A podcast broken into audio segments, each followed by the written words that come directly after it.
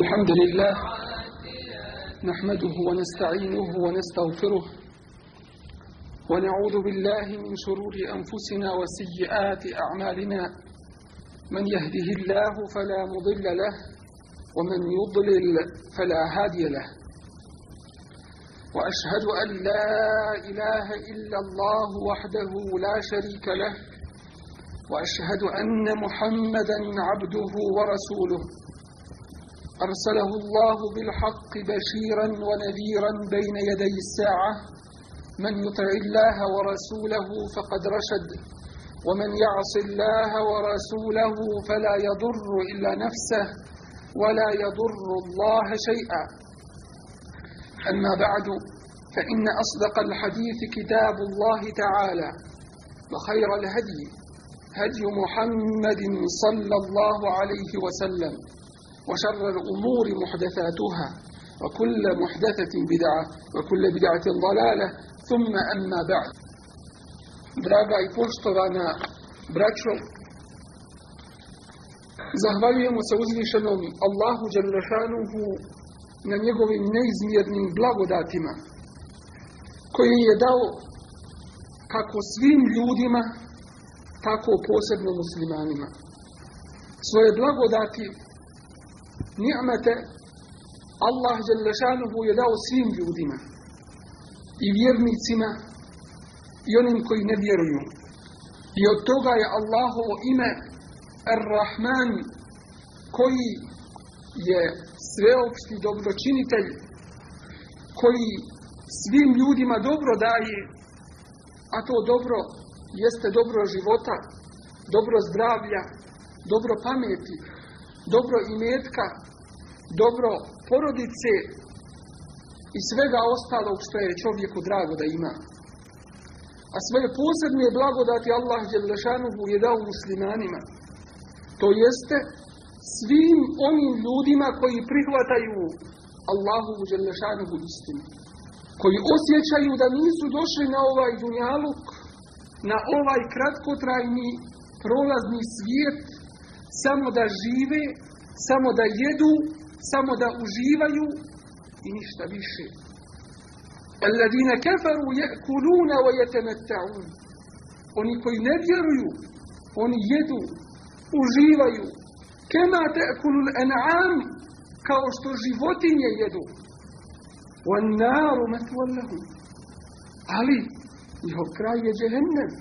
Jer se ne razlikuju od životinja, već su gori od njih ulaika kal an'am to su kao životinje bel hum adal još su gori I zahvaljujemo se na tom velikom ni'metu i blagodati, blagodati Allahovo i Đelešanu kojom nas je obasuo. Poznato nam je da je Allah Đelešanu slao svoje poslanike. Jednog za drugog. Da upućuju ljude na pravi put. Da ne dozvole nikome da ih učini robljem. Da iskorištava iko ljudsku pamet, ljudsku snagu i ljudsku čast, ljudsko vjerovanje, već da to bude iskreno upućeno samo Allahu Đelešanu. Dakle, da se očuva ljudska čast i ponos. Da čovjek bude čovjekom. Tako je uzvišen Allah Đelešanuhu nakon velikog broja Allahovih vjerovjesnika i poslanika poslao svoga posljednjeg poslanika Muhammeda sallallahu alaihi wa sallam da bude pečatom svim poslanicima koji su bili prije njega.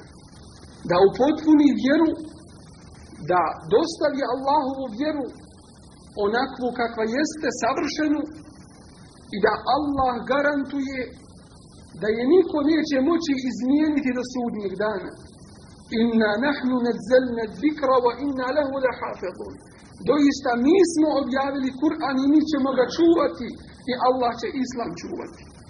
Nakon što je vjera prošlih poslanika iskrivljena decenijama kroz generacije ljudi koji su zbog određenih svojih ličnih interesa i koristi iskrivili Allahovu vjeru objavljenu prijašnjim poslanicima. bilo zbog imetka koji im je ponuđen, pa su iskrivljavali Allahovu vjeru, bilo zbog vlasti koja im se davala, bilo zbog nečega ili drugog, ali Allah na kraju poslao je svoga poslanika Muhammeda sallallahu alaihi ve sellem da upotpuni vjeru i da ostane čista do sudnjeg dana. Zato kuranski ajeti nas upočuju na jednu stvarnost i istinu koje cijelo čovječanstvo mora da bude svjesno. A ta istina je inne dine inda Allahi al islam. Samo jedna jedina priznata vjera kod Allaha jeste islam. Vjera svih Allahovih poslanika od prvog do posljednjeg. Koji su pozivali čovječanstvo u jedno te isto. Samo što vjerovanje koje su slijedili prijašnji narodi, narodi prije ovog poslanika, to vjerovanje do danas nije ostalo sačuvano. Osim jednog jedinog, ali islam. وَمَنْ يَبْتَغِ غَيْرَ الْإِسْلَامِ دِينًا I ko bude tražio neku drugu vjeru, mimo Islama, mimo onoga što je Allah objavio, فَلَنْ يُقْبَلَ مِنْ To od njega primljeno kod Allaha Đalešanuhu neće biti. El jevme ekmeltu lekum dinekum, danas sam vam upotpunio vašu vjeru. Wa etmentu alejkum nijameti i dao da moja blagodat bude usavršena, da bude upotpunjena u raditu lekumul islam medina i zadovoljan sam, kaže uzvišenje Allah Želešan, da vam islam i to poznati islam, onaj koji je objavljen Muhammedu sallallahu alaihi ve sellem, bude vašom vjerom. Kur'an, svjedoci smo toga, sačuvan je do današnjih dana. I on je osnova naše vjere. Sačuvan je u pismenom obliku. Tako da danas imamo najstarije primjerke pred sobom Kur'ana koji su pisani u prvim generacijama koje su pisale prve generacije muslimana. Kur'an je isto tako sačuvan pamćenjem. Tako smo isto svjedoci da danas među muslimanima ima veliki broj onih koji pamte Kur'an koji znaju Kur'an na pamet od početka do kraja. Preko šestotina stranica arapskog teksta. Što nije slučaj ni sa jednom drugom knjigom, bilo objavljenom od Allaha Đelešanuhu ili neobjavljenom. Nije slučaj da se uči na pamet osim Kur'an Kerima. I isto tako, pored pisanja i pored pamćenja Kur'an Kerima, sačuvana je ova vjera dini islam u svom izvornom značenju. Tako da kada god neprijatelji islama pokušavaju iskriviti Kur'an, pokušavaju istrijebiti muslimane, pokušavaju na ovaj ili onaj način da naškode ovoj vjeri, Allah je opet sačuva. I ostala je u izvornom obliku i ostaće, kao što nam kaže pejgamber alaihi sallatu wasalam, do sudnjeg dana sačuvano. Da će biti do sudnjeg dana, kaže se u hadisu pejgamberom alaihi sallatu wasalam, ljudi koji će nositi ovu vjeru, koji će biti nosioci ove vjere, neće se bojati nikoga koji ponižava, koji proganja, dok ne dođe sudnji dan, oni će takvi biti čvrsti na Allahom Đelešanuhu vjerovanju. Svjedoci smo isto tako zahvalni Allahu Đelešanuhu da ova naša vjera, din Islam, predstavlja najveće danas čudo poznato u svijetu. Prevodimo ga kao čudo u našem jeziku, a u arapskom jeziku se kaže el mu'đize ili mu'điza. Što znači da je to najveća potvrda istinitosti poslanstva Muhammedovog sallallahu alaihi ve sellem. Kao što je Isa alaihi selam da bi dokazao svoje poslanstvo, dao mu Allah želešanuhu da može oživjeti neke mrtve ljude. da može izliječiti neke bolesti koje, za koje lijeka nije bilo. Kao što kod Musa selam ljudi koji su živjeli u njegovo vrijeme vidjeli su da se njegov štab u zmiju pretvara. I to je bilo čudo koje niko nije mogao učiniti osim Allahov poslanika. Ovom Allahovom poslaniku Muhammedu sallallahu alaihi ve sellem Allah je dao vječnu muđizu. To čudo koje mi danas vidimo svojim očima kao što su ga vidjeli njegovi ashabi, njegovi drugovi, prva generacija muslimana prije 1400 godina. To čudo veliko, ta muđiza jeste Kur'an Kerim. S koje god strane pogledamo u Kur'an Kerim, vidjet ćemo da zaista taj Kur'an, Allahova riječ, da je nemoguće svim ljudima kada bi se sakupili da donesu nešto slično. Bilo da gledamo kroz nauku o istoriji, biologiji, astronomiji, medicini i bilo koju drugu nauku vidjet ćemo ta čuda. I danas savremene nauke, danas naučna dostignuća otkrivaju tek danas u 20. vijeku ono što je Kur'an rekao prije 1400 godina. I mi smo svjedoci velikog vraćanja ljudi islamu. I prestalo je vrijeme, nastupilo je jedno drugo. Prestalo je ono vrijeme u kome su govorili islam, to je vjera kao i ostale vjere. Islam se bavi samo ibadetima, samo da ljudi znaju kako će klanjati postiti ništa više. To je privatna stvar. To vrijeme je okrenulo svoja leđa. Došlo je jedno drugo vrijeme, kada nauka, kada najveći učenjaci danas u svijetu potvrđuju istinitost Islama. Dakle, nije to ostalo samo priča, samo nasljedstvo očeva i predaka i djedova, već je to zaista istina, već je to stvarnost koju, koju vidimo svojim očima.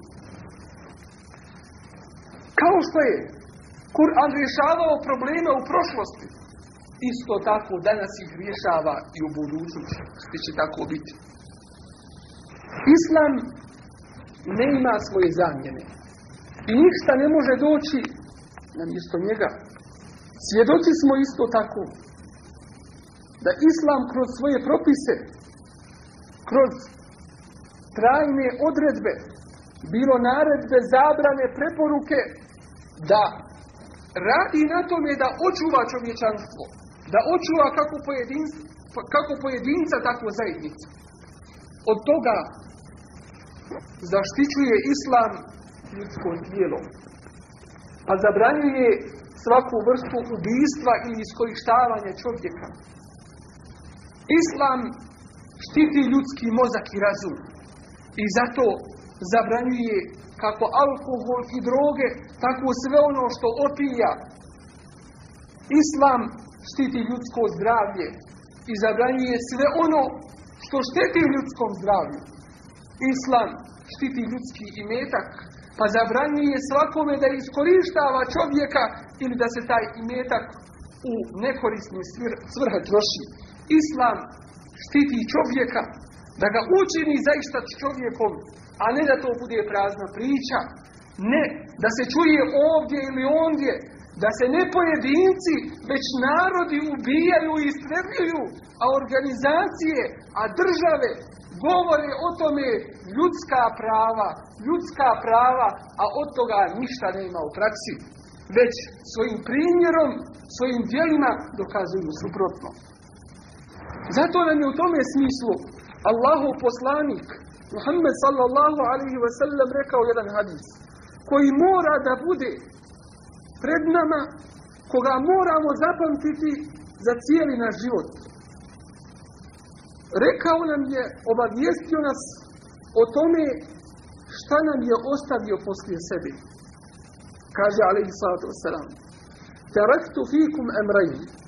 Ostavio sam vam iza sebe dvije stvari. To je njegovo nasljedstvo.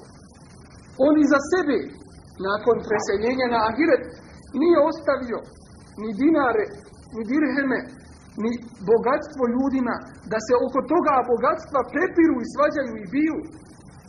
Ostavio sam vam dvije stvari. Ne pojedincima, ne svojoj generaciji samo, već cijelom čovječanstvu do sudnjeg dana. I ne ima boljeg nasljedstva od toga. I ne ima većeg nasljedstva od toga. Len te ma intemesektum bihima. Nikada nećete skrenuti na krivi put. Ako se budete držali te dvije stvari.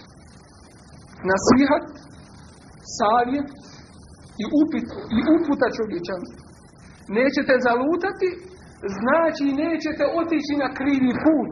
A krivi put je put nesreće. Je put poniženja. Je put nedača. Je put koji neće čovjeka odvesti na put sreće i spasa.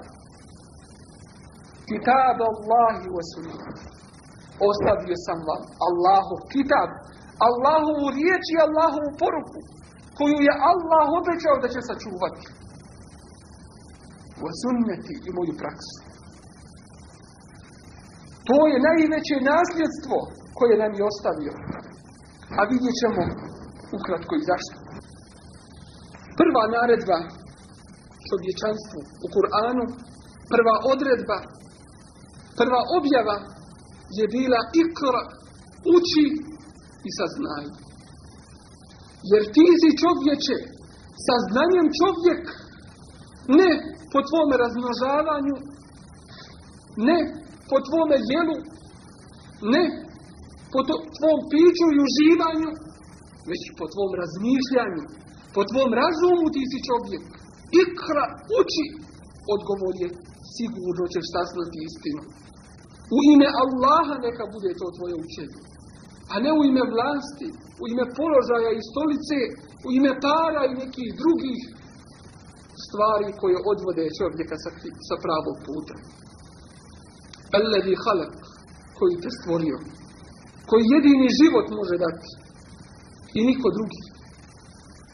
I danas svjedoci smo da nauka, ovoliko koliko je napredovala, nije u stanju da stvori, da sastavi jedno najobičnije zrno pšenice, da ga stavi u zemlju pa da proklija. Znaju sastojke toga. Toliko u njemu vode ima, toliko ovoga i onoga elementa, ali ne ima života. Jer život jedino daje Allah, jer život jedino uzima Allah, jer će život opet vratiti jedino Allah. Dakle, prva naredba nam je bila u Kur'anu uči. A to nas upućuje na nužnost učenja i poučavanja drugih. Ali, ova naredba je bila rečena i ummetima i narodima prije ovoga ummeta. Prije ovoga naroda. Prije muslimana. Sljedbenika Muhammeda sallallahu alaihi ve sellem. Ali, otišli su na krivi put. Dragi Allahu, šta je razlog bio što su priješnji narodi otišli na krivi put? Šta ih je to skrenulo sa pravog puta? Mi dnevno na svakom namazu i u svakom rekiatu učimo gajril magdubi alaihim wala dhalin. I to je razlog. Sačuvaj nas Allahu puta onih na koje si se ti rasrdio i puta onih koji su zalutali. Ovo ima veliko i duboko značenje. Oni na koji si se ti rasrdio, to su oni koji su znali, a nisu htjeli po tome znanju da rade. I uništeni su bili. Mnoge generacije od njih. Vala dali niti na put oni koji su zalutali, a to su oni koji su htjeli da rade, ali nisu znali pravi. Prvi na koje se Allah rasrdio, kaže pejgamber sallallahu alaihi ve sellem, to su bili židovi. Koji su znali istinu dobro, ali nisu htjeli po njoj da rade. A drugi, kaže sallallahu alaihi ve sellem, to su kršćani. Koji su htjeli da rade, ali nisu znali po čemu da rade, jer su izgubili svoj knjig, kitab Allahovu knjigu.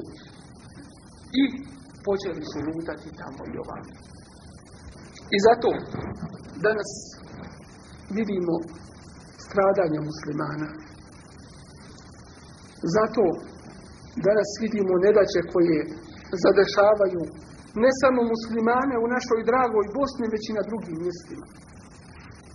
Počevši od ratova, raznih bolesti, neimaštine, fukaraluka, nejedinstva, mržnje i svega drugog što vidimo da ima među muslimanima. Kada je islam ovako savršen, ovako čist, sačuvan, zašto danas muslimani stradaju? Šta se ovo danas muslimanima dešava? Odgovor je jednostavan, to je muslimani su se udaljili od pravog i izvornog din islama. وقال الرسول يا رب إن قوم اتخذوا هذا القرآن مهجورا I poslanik, naš Muhammed sallallahu alaihi ve sellem reći na sudnjem danu Ja Rabbi. Mi znamo što znači Ja Rabbi. O Allahu, o moj gospodaru, inne kaumi, moj ummet, moj narod, ittehadu hada Kur'ane mehđura, napustili su ovaj Kur'an. Ne uče Kur'an. Ne interesuje ih Kur'an. Ne znaju učiti u Kur'anu. Ne znaju značenje Kur'ana. Ne radi se po Kur'anu. Ne poučava se Kur'an. Zašto? Svjedoci smo vraćanja muslimana islamu. Ali ovo što nas dešava, to je odgovor na to. To je odgovor što imamo muslimana koji uopšte Kur'an ni u prijevodu nisu pročitali. A čitali su druge knjige i novine, gledali druge stvari, ali Kur'an se nije pročitao. Zabavili se drugim stvarima. Odgovora na to ne ima. Opravdanja za to ne ima. Jer nas Allah upućuje i upozorava u Kur'anu. Omen e'rada an zikri ko se okrene od moje opomene i upute Kur'an i Kerima i Islama, fe inne lehu me išeten banka, Allah istinu govori. Sigurno ću mu dati da mu život težak bude. Da se sam sobom zabavi. Kad zaboravi na Allaha, Allah će mu dati da zaboravi na, sam na sebi. وَلَا تَكُونُوا كَالَّذِينَ نَسُوا اللَّهَ فَإِنْسَاهُمْ Nema vremena za Allaha, evo ti kazna, ne imaš vremena ni sam za sebi. Da će ti probleme u porodici, sa ženom, sa djecom, u imetku, u svemu ostalom što će te zabaviti da nećeš vremena za sebe imati. A kamo li za druge stvari? Fa inna lehu me'aifetan. Težak će život imati. I ne ima muslimanima drugog puta osim puta vraćanja Allahu Đelešanuhu, prihvatanja za Kur'an i Kerim, učenje Kur'ana da nam je to sveta knjiga. Smogli su toliko snage da izmišljaju laži protiv Islama, da pišu knjige, da snimaju filmove protiv Islama, protiv Kur'ana, protiv Muhammeda sallallahu alaihi ve sellem. A ovaj ummet šuti. A, ova, a ovaj ummet trpi, misleći time čini Bogu ugodno djelo. La tazlimune wa la tuzlemune. Nikome zulum nemojte učiniti. Bilo čovjeku, bilo životinji, bilo biljkama, bilo prirodi, bilo kome. Ali, wala tuzlemun, i ni od kog živog zulom trpit ne smijete. Jer ako radiš zulum, ili trpiš od drugog zulum, isto ti je haram. Isto si griješan.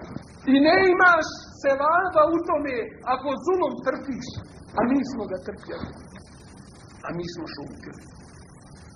Nije godinu i dvije, već decenija. Desetinama godina. Ovo što se danas nama dešava, ovo je samo posljedica onoga u čemu smo živjeli. Wal fitnetu ekbaru min al qatl, Allah nam kaže u Kur'anu. Fitnet, fitnet je protumačen kao kufur i nevjerstvo. To što su naši išli u komunističku partiju i u kufr taj, koji su je pomagali bilo materijalno, bilo ideološki, bilo na koji način. Taj kufur i to nevjerstvo što ste stidjeli da idu u džamiju. To što ste stidjeli da su muslimani, da imaju svoje praznike da imaju svoje dane posebne, što su se stidjeli svega muslimanskog i islamskog. To je gore od ubijstva, jer smo skoro nestali. Pa nas naš dušmanin prodrma, malo osvijesti jednu skupinu od nas. Wal fitnetu ašaddu min al qatl. Taj kufur i to nevjerstvo je gore od ubijstva. Allah nas na to upućuje. Wala tu'minu illa limen tebi. I ne vjerujte nikome drugome, osim onome ko slijedi vašu vjeru. Ko slijedi vašu vjeru. Ko se dokazuje da je musliman, da je pravi u Allahovoj vjeri i islamu. I zato ostaje dužnost ovome ummetu naspram toga nasljedstva Kur'an i Kerima da ga učimo da znamo njegova značenja kada nas neko upita vi ste muslimani o čemu govori vaša sveta knjiga? Vala ja ne znam. Mi samo učimo Kur'an kad neko umre ništa više. Živi ne znaju ništa o Kur'anu. Živi se bave drugim stvarima. To odgovor ne smije biti, niti može biti. Ne na dunjaluku, niti na ahiretu. Učiti Kur'an, znati njegova značenja, raditi po Kur'anu, na druge prenositi Kur'an, živjeti za Kur'an i umirati za Kur'an. Tako musliman postoji, drugačije nije živ. وَمَنْ يَرْتَدِدْ مِنْكُمْ عَنْ دِينِهِ Ako napusti svoju vjeru din islam. فَسَوْفَ يَأْتِ اللَّهُ بِقَوْمٍ Neće Allah ništa drugo. Allah će doći sa jednim drugim narodom. Kako će doći? Ne iz neba. Doći će jedne druge generacije. Ako je tebi danas svejedno šta se radi od Islama, ako ti je svejedno da, da li si ponižen ili počašćen u društvu, onda će Allah dati da dođu druge mlađe generacije. Bolje. Koje vole Allaha i koje Allah voli. Koji znaju svrhu i cilj svoga života. Ne smijemo biti kao narodi koji su opisani u Kur'anu prije nas, koji su uništeni bili. Al kitabe illa emanije wa inhum illa yadunnun. Ako jednog ili skupinu njih pitate o čemu vaša knjiga govori, vaša sveta knjiga objavljena od Allaha, reći će vam mi mislimo da o tome govori. Mi znamo neka pričanja, a ne znaju pravog znanja o toj svojoj vjeri, o tom svome kitabu. Ne smijemo takvi biti. I drugo nasljedstvo veoma važno, a to je praksa Muhammeda sallallahu alaihi wa sallam. Ova naša vjera nije teorija samo. Nije priča u prazno, bez dokaza u stvarnosti. Već je to živa vjera. Kada su došli Hazreti Aiši radijallahu anha, ženi našeg dragog pejgambera alaihi sallatu wasalam, poslije njegovog preseljenja na Ahiret, i pitali je kakav je bio život pejgamberov alaihi sallatu wasalam. A ona odgovara, učite li Kur'an? Kažu, učimo. Kane hulukuhul Kur'an. Njegov ahlak, njegov život, njegova praksa bio je Kur'an. Nije to priča. Zato ga, zato ga je Allah poslao na Dunjaluk da nam pokaže da je to moguće da se radi po tome i da je to korist cijelome čovječanstvu. Praksa, živa vjera, a ne samo priča. Danas, nažalost, Islam je puno ostao u priči.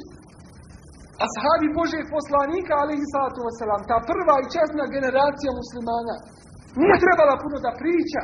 Oni su više radili. Oni su svojim dijelima ljudima dokazivali.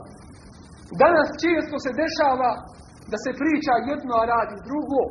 Lijep je islam, fin je islam, ali praksa postaje drugačija.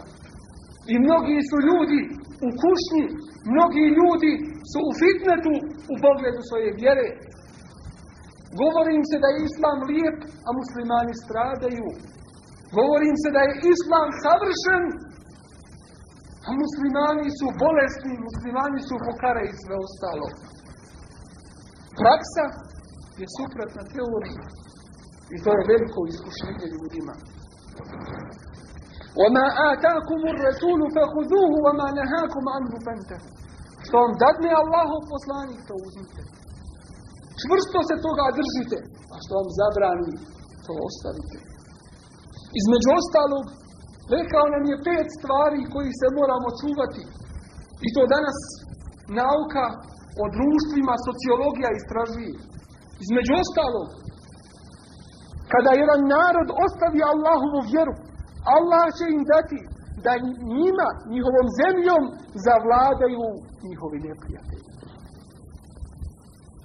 Istorija i budućnost u isto vrijeme. Ili ćete naređivati da se radi dobro svome djetetu, svome bližnjem, svojim komšijama. Ili ćete naređivati da se radi dobro, a zabranjivati da se zlo radi.